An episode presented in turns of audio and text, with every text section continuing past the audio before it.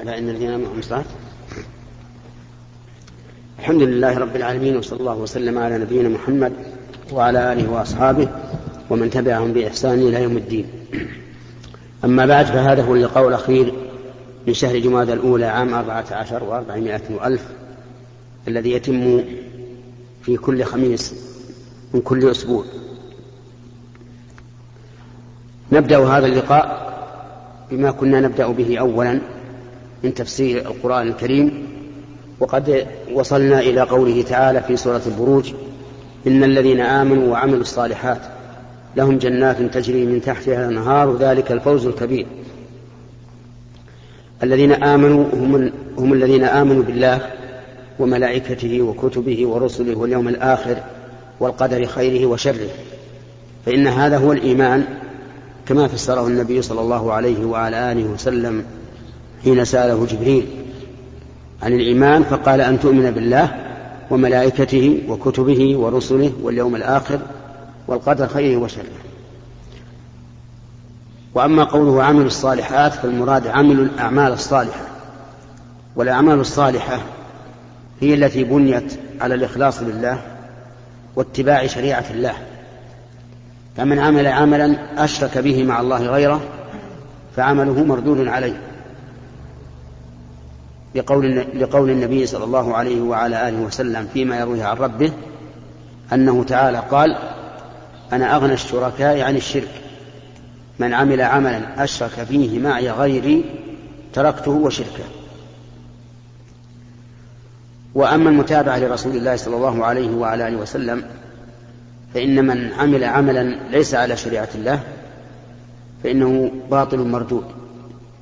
لقول النبي صلى الله عليه وعلى آله وسلم من عمل عملا ليس عليه أمرنا فهو رد. وبناء على ذلك تكون عبادة المرائي هنا. تكون عبادة المرائي الذي يعبد الله لكن يرائي الناس أي يظهر العبادة ليراه الناس فيمدحوه. هو لا يريد التقرب إلى الناس. يريد التقرب إلى الله لكن يريد أن يمدحه الناس على تقربه إلى الله وعبادته لله فهذا مرائي وعمله مردود أيضا. كذلك من تكلم بكلام قرآن أو ذكر ورفع صوته ليسمعه الناس فيمدحوه على ذكره لله فهذا أيضا مرائي. عمله مردود عليه. لأنه أشرك فيه مع الله غيره أراد أن يمدحه الناس على عبادة الله. أما من تعبد للناس فهذا مشرك شركا أكبر. يعني من قام يصلي أمام شخص تعظيما له لا لله وركع للشخص وسجد للشخص فهذا مشرك شركا أكبر مخرجا عن الملة. وكذلك أيضا من ابتدع في دين الله ما ليس منه. كما لو رتب أذكارا معينة في وقت معين فإن ذلك لا يقبل منه. حتى ولو كان ذكر الله لو كان تسبيحا أو تحميدا أو تكبيرا أو تهليلا ولكنه رتبه على وجه لم ترد به السنة فإن ذلك ليس مقبولا عند الله عز وجل. لأنه عمل عملا ليس عليه أمر الله ورسوله. فالمهم أن الله اشترط مع الإيمان العمل, العمل الصالح. وبهذا نعرف أنه لا ينبغي لنا أن نركز دائما على العقيدة ونقول نحن على عقيدة إسلامية وعلى كذا وعلى كذا ولم نذكر العمل لأن مجرد العقيدة لا يكفي لا بد من عمل. فينبغي عندما تذكر أننا على العقيدة الإسلامية ينبغي أن تقول ونعمل العمل الصالح. لأن الله يقرن دائما بين الإيمان المتضمن للعقيدة وبين العمل الصالح حتى لا يسلم حتى لا يخلو الإنسان من عمل صالح. أما مجرد العقيدة فلا ينفع. لو أن الإنسان يقول أنا مؤمن بالله لكن لا يعمل. أين الإيمان بالله؟ ولهذا كان القول, القول الراجح من أقوال العلماء أن تارك الصلاة كافر. كفرا مخرجا عن الملة وقد بينا أدلة ذلك في رسالة لنا صغيرة وكذلك أيضا يمر علينا في نور على الدرب أسئلة حول هذا الموضوع ونبين الأدلة بما لا بما يغني عن إعادتها هنا. إن الذين آمنوا وعملوا الصالحات لهم جنات تجري من تحتها الأنهار. لهم يعني عند الله. جنات تجري من تحتها الأنهار وذلك بعد البعث. فإنهم يدخلون هذه الجنات التي فيها ما لا عين رأت ولا أذن سمعت ولا خطر على قلب بشر. رحمك الله. ولهذا قال الله تعالى فلا تعلم نفس ما أخفي لهم من قرة أعين جزاء بما كانوا يعملون. وقال الله في الحديث القدسي أعددت لعباد الصالحين ما لا عين رأت ولا أذن سمعت ولا خطر على قلب بشر. لأن فيها من النعيم ما لا يتصوره الإنسان. والله تعالى يذكر فيها أي في الجنات نخل ورمان وفاكهة ولحم طير وعسل ولبن وماء وخمر. لكن لا تظنوا أن حقائق هذه الأشياء كحقائق ما في الدنيا أبدا لأنها لو كانت حقائقها كحقائق ما في الدنيا لكنا نعلم ما أخفي لنا من هذا. ولكنها أعظم أعظم وأعظم بكثير مما تتصوره. فالرمان وإن كنا نعرف معنى الرمان نعرف أنه على شكل معين وطعم معين وذو حبات معينة لكن ليس الرمان الذي في الآخرة كهذا. أعظم بكثير. لا من جهة الحجم ولا من جهة اللون ولا من جهة المذاق. لكن كما قال ابن عباس رضي الله عنهما ليس في الدنيا شيء مما في الجنة إلا الأسماء فقط. أما الحقائق فهي غير معلومة. وقول تجري من تحتها أنهار قال العلماء من تحتها أي من تحت أشجارها وقصورها. وإلا فهي على السطح فوق. ثم هذه الأنهار جاء في الأحاديث أنها لا تحتاج إلى حفر ولا تحتاج إلى بناء بناء ولا تحتاج إلى بناء أخدود وفي هذا يقول ابن القيم في النونية أنهارها في غير أخدود جرت سبحان ممسكها عن الفيضان. الأنهار في المعروف عندنا أنها تحتاج إلى حفر أو إلى أخدود تمنع من تسرب الماء يمينا وشمالا لكن في الجنة لا تحتاج إلى أخدود تجري حيث شاء الإنسان يعني يوجهها كما شاء بدون حفر وبدون إقامة أخدود. والأنهار هنا وفي آيات كثيرة مجملة لكنها فصلت في سورة القتال سورة محمد. قال مثل الجنة التي وعد المتقون فيها أنهار من ماء غير آسن وأنهار من لبن لم يتغير طعمه وأنهار من خمر لذة للشاربين وأنهار من عسل مصفى. تجري من تحتها الأنهار ذلك الفوز الكبير ذلك المشار إليه ما الجنات وما فيها من النعيم. الفوز الكبير يعني الذي به النجاة من كل مرهوب وحصول كل مطلوب لأن الفوز هو عبارة عن حصول المطلوب وزوال المكروه. والجنة كذلك. فيها كل مطلوب وقد زال عنها كل مرهوب. فلا يذوقون فيها الموت ولا المرض ولا السقم ولا الهم ولا النصب. نسأل الله أن يجعلنا وإياكم من أهلها. ثم قال تعالى إن بطش ربك لشديد. إنه هو يبدئ ويعيد. بطش يعني أخذ بالعقاب. شديد. كما قال تعالى اعلموا أن الله شديد العقاب وأن الله غفور رحيم. فبطش الله يعني انتقامه وأخذه شديد. عظيم. ولكنه لمن يستحق ذلك. أما من لا يستحق ذلك فإن رحمة الله تعالى أوسع. ما أكثر ما يعفو الله عن الذنوب ما أكثر ما يستر الله من العيوب ما أكثر الله ما أكثر ما يدفع الله من النقم وما أكثر ما يجري من النعم. لكن إذا أخذ الظالم لم يفلته. كما قال النبي عليه الصلاة والسلام إن الله لا يملي للظالم حتى إذا أخذه لم يفلته. وتلا قوله تعالى وكذلك أخذ ربك إذا أخذ القرى وهي ظالمة إن أخذه أليم شديد. وعلى هذا فنقول بطش ربك أي في من يستحق البطش. أما من لا يستحقه فإن الله تعالى يعامله بالرحمة ويعامله بالكرم ويعامله بالجود. ورحمة الله تعالى سبقت غضبه.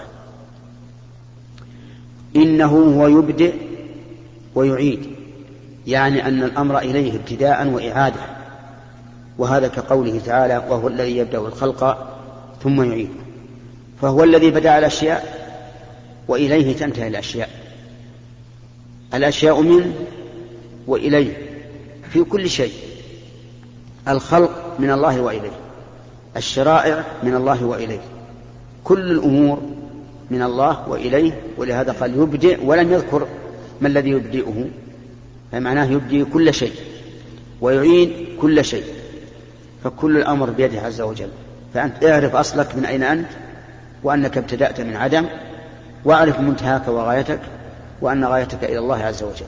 إنه هو يبدئ ويعيد وهو الغفور الودود ذو العرش المجيد. هو الغفور يعني ذو يعني ذا المغفرة. والمغفرة ستر الذنب والعفو عنه. فليست المغفرة ستر الذنب فقط بل ستره وعدم المؤاخذة عليه كما جاء في الحديث الصحيح أن الله يخلو بعبده المؤمن يوم القيامة ويقرر بذنوبه حتى يقر بها ويعترف. فيقول الله عز وجل قد سترتها عليك في الدنيا وأنا أغفرها لك اليوم. ذنوبنا كثيرة ذنوب قلبية وذنوب قولية وذنوب فعلية ما أكثرها لكن الله تعالى ولله الحمد يسترها. ويذكر أن بني إسرائيل كانوا إذا أذنب الواحد منهم ذنبا وجده مكتوبا على بيت على باب بيته فضيحة وعارا والعياذ بالله. لكننا نحن لله الحمد قد ستر الله عليه. تب إلى الله واستغفر من الذنب فتمحى آثاره نهائيا. ولهذا قال وهو الغفور أي الساتر لذنوب عباده المتجاوز عنها. الودود مأخوذة من الود والود هو خالص المحبة فهو جل وعلا ودود. وما معنى ودود هل معناه أنه محبوب أو أنه حاب؟ الجواب يشمل الوجهين جميعا. قال الله تبارك وتعالى يا أيها الذين آمنوا ما يرتد منكم عن دينه فسوف يأتي الله بقوم يحبهم ويحبونه. فهو جل وعلا واد يحب الأعمال ويحب الأشخاص ويحب الأمكنة وهو كذلك أيضا محبوب يحبه أولياؤه.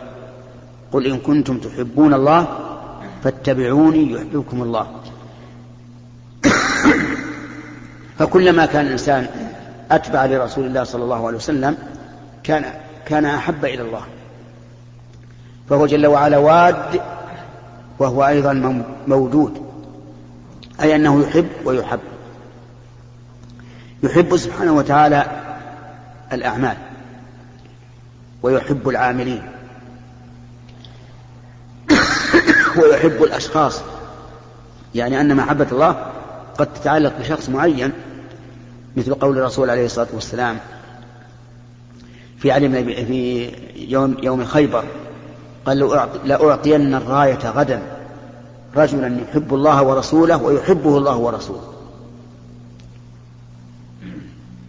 فبات الناس ثم غدوا إلى رسول الله صلى الله عليه وسلم كلهم يرجو أن يعطاه. فقال أين علي بن أبي طالب؟ قالوا يشتكي عينيه. فدعا به فأتى فبصق في عينيه فبرأ كأن لم يكن به وجع في الحال. ثم أعطاه الراية وقال انفذ على نفسك حتى تنزل بساحتهم ثم ادعهم إلى الإسلام. الشاهد قوله يحب الله ورسوله ويحبه الله ورسوله فهنا أثبت أن الله يحب هذا الرجل بعينه. علي بن أبي طالب. ولما بعث رجلا على سرية صار يقرأ لهم في الصلاة ويختم القراءة بقول هو الله أحد. فلما رجعوا إلى النبي صلى الله عليه وسلم أخبروه بذلك لأن عمله هذا غير معروف. إن الإنسان كلما قرأ في الصلاة يجعل آخر قراءته يقول والله أحد. فقال سلوا بأي شيء كان يصنع ذلك. فسألوا فقال إنها صفة الله وأنا أحب أن أقرأها. فقال النبي صلى الله عليه وسلم أخبروه أن الله يحبه.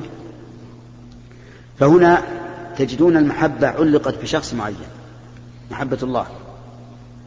وقد تكون محبة الله بمعينين بأوصافه مثل إن الله يحب المتقين إن الله يحب المحسنين إن الله يحب الذين يقاتلون في سبيله صفا كأنهم بنان مرصوص. هذا ما فيه شخص معين لكن فيه شخص موصوف بصفة. كذلك يحب الله سبحانه وتعالى الأماكن. أحب البقاع إلى الله مساجدها. وأخبر النبي عليه الصلاة والسلام أن مكة أحب البقاع إلى الله. هذه المحبة متعلقة بالأماكن.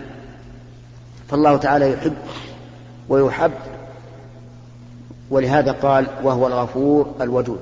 ثم بين عظمته وتمام سلطانه في قوله ذو العرش المجيد فعال لما يريد. ذو العرش أي صاحب العرش. والعرش هو الذي استوى عليه الله عز وجل. وهو أعظم المخلوقات وأكبرها وأوسعها. وقد جاء في الأثر أن السماوات السبع والأرضين السبع بالنسبة إلى الكرسي كحلقة ألقيت في فلاة من الأرض. حلقة الدرع صغيرة ألقيت في فلاة من الأرض ليست بشيء بالنسبة لها. وإن فضل العرش على الكرسي كفضل الكرسي على هذه الحلقة. إذا الكرسي لا أحد يقدر عن عن سعته. وإذا كنا نشاهد في المخلوقات المشهودة الآن التباين العظيم في أحشائها أطلعني رجل على صورة الشمس مصورة وصورة الأرض فوجدت أن الأرض بالنسبة لهذه الشمس آه، كنقطة كنقطة غير كبيرة آه، في تبسي تبسي واسع كبير.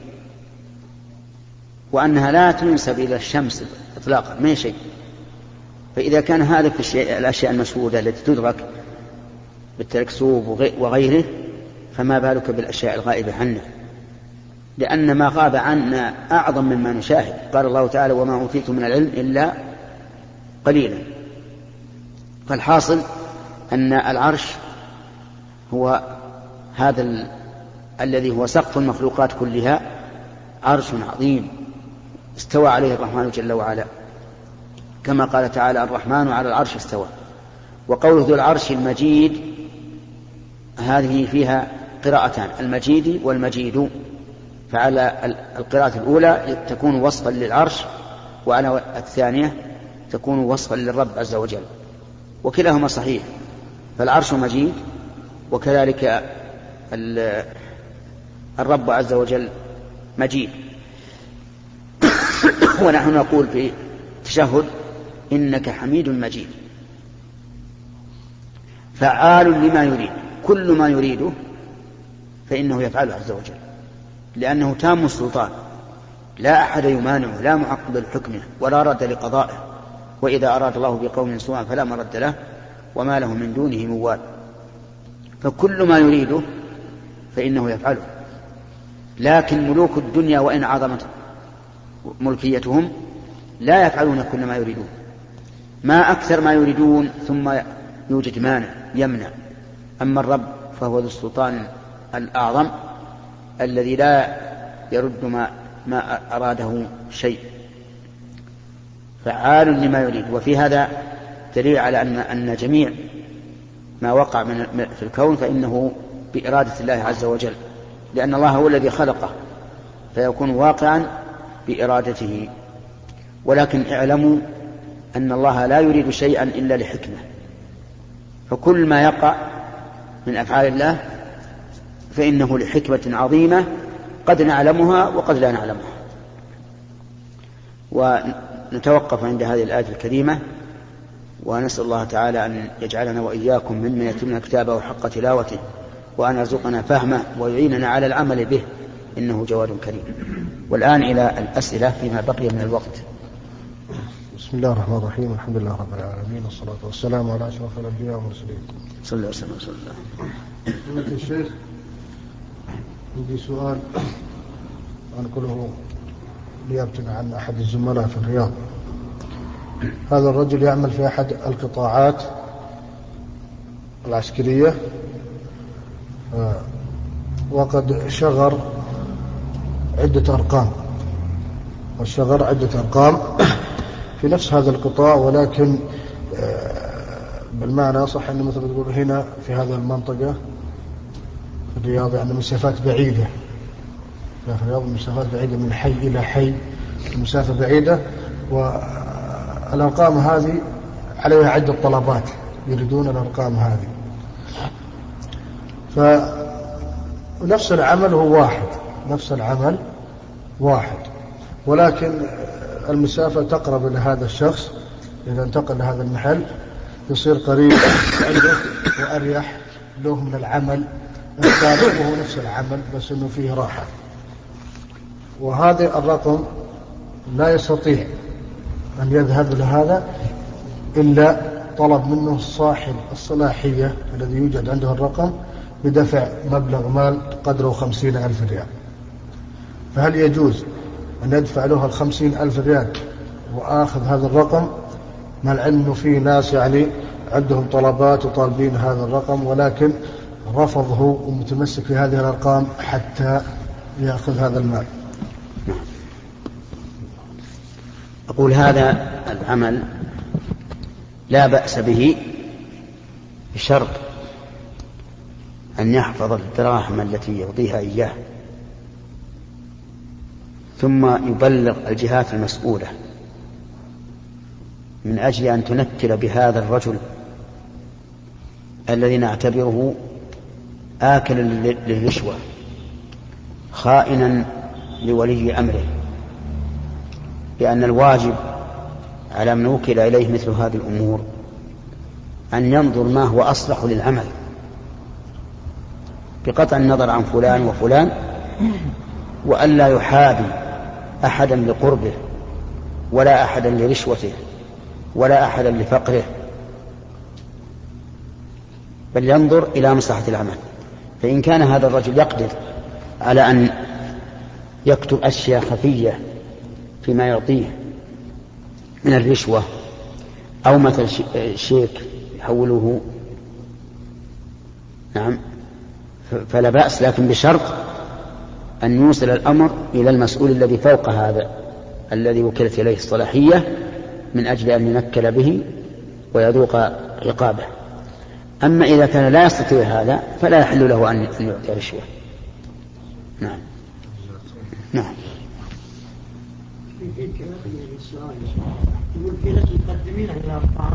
بينظرون أنا فاهم. هو حتى لو وإن لم يقدم. حتى وإن لم يقدم أحد. لا تجوز الرشوة بسم الله والحمد لله والصلاة والسلام على أشرف الأنبياء والمرسلين سيدنا محمد وعلى آله وأصحابه أجمعين. فضيلة الشيخ السؤال في بعض العامة الذين يعني يجهلون أمر التوحيد آه، يوسوس لهم الشيطان في سؤال ألا وهو من الذي خلق الله؟ فنريد يعني فضلتكم تفضل. في الإجابة نعم الإجابة على هذا السؤال أجاب عنها النبي عليه الصلاة والسلام حيث قال إن, إن الناس يتساءلون من خلق كذا من خلق كذا من خلق كذا حتى يقولوا من خلق الله. فإذا يعني بلغت الحال إلى هذه فليقول الله أحد صمد لم يلد ولم يولد ولم يكن له كفوا أحد وليكف عن هذا. بسم الله الرحمن الرحيم. فضيلة الشيخ ما حكم تعدد الجماعة في في مسجد له إمام راتب ومؤذن راتب؟ آه، تعدد الجماعة الجماعة على قسمين. القسم الأول أن يكون ذلك راتبا بحيث تتعمد تتعمد الجماعة الثانية التأخر حتى تقيم جماعة أخرى. فهذه بدعة. لأن المسجد لا يقام فيه إلا جماعة واحدة. والقسم الثاني أن لا يكون ذلك راتبا معتادا. لكن بعد أن تنتهي الجماعة الأولى يأتي أناس يدخلون المسجد فيوصلون الجماعة وهذا مشروع وسنة لأن النبي صلى الله عليه وسلم كان مع أصحابه ذات يوم فدخل رجل قد فاتته الصلاة فقال من يقوم يصلي مع هذا يتصدق عليه. أو قال من يتصدق على هذا فيصلي معه. فقام أحد الصحابة فصلى معه. ولأن النبي صلى الله عليه وعلى آله وسلم قال صلاة الرجل مع الرجل أزكى من صلاته وحده وصلاته مع الرجلين أزكى من صلاته مع الرجل وما كان أكثر فهو أحب إلى الله. وأما توهم من توهم من الناس أن إقامة الجماعة الثانية بدعة فهذا صحيح فيما إذا كان على وجه الراتب. معتاد كما قلت لك. أما ما كان طارئا فإن إقامة الجماعة الثانية سنة بأمر النبي صلى الله عليه وعلى آله وسلم. نعم. لا في المسجد أحسن لأنها في المسجد ربما يكثر الجماعة.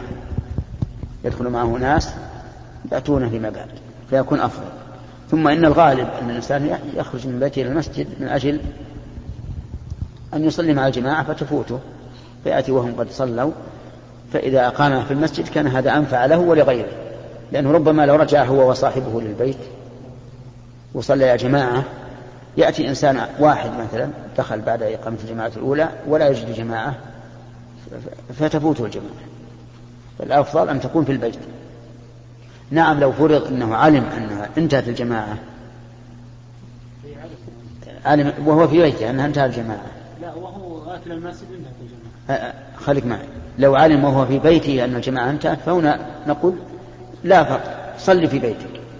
لأنك لو خرج إلى المسجد قد يكون بعض الناس يخجل أن يقابله الناس وهم, وهم قد خرجوا من الصلاة فيصلي في بيته. أما إذا قد جاء ودخل المسجد ووجدهم قد صلوا فلا ينصرف. بل يصلي الجماعة في المسجد. السؤال يا فضيلة الشيخ في قوله من أشرك معي غيري تركته وشركه. هل الترك له وقت محدد أم عند توبة المشرك الذي أشرك أم أو عندما يتوفاه الله؟ نعم. تركته قوله تعالى في الحديث القدسي تركته وشركه يعني نفس العمل اللي حصل فيه الشرك. لا يقبله الله. لكن لو تاب منه فإن الله يتوب عليه. لأن الله قال والذين لا يدعون مع الله إلها آخر ولا يقتلون النفس التي حرم الله إلا بالحق ولا يزنون. ومن يفعل ذلك يلقى أثاما يضاعف له العذاب يوم القيامة ويخلد فيه مهانا. فالمراد تركته وشركه مو تركته دائما. تركته وشركه في العمل الذي أشرك به فقط. ثم إذا تاب منه وآمن وعمل عملا صالحا بدل الله سيئاته حسنات. بسم الله. آه، فضيلة الشيخ آه، شخص يسأل أنه تعرف على أحد النصارى عن طريق أحد أصدقائه وهو لم يعلم أنه نصراني. فكان يتعامل معه معاملة المسلم لأخيه المسلم. وبعد فترة تبين أنه نصراني. وحتى أنه يعني في بعض الجلسات معه أثناء الأكل وكذا واستضافته في البيت و... إيش؟ استضافته في البيت. نعم. علم أنه نصراني يعني انقبض هذا من فضلك. اقلب شدة ما علم أنه نصراني. نعم. وهو لا يعلم.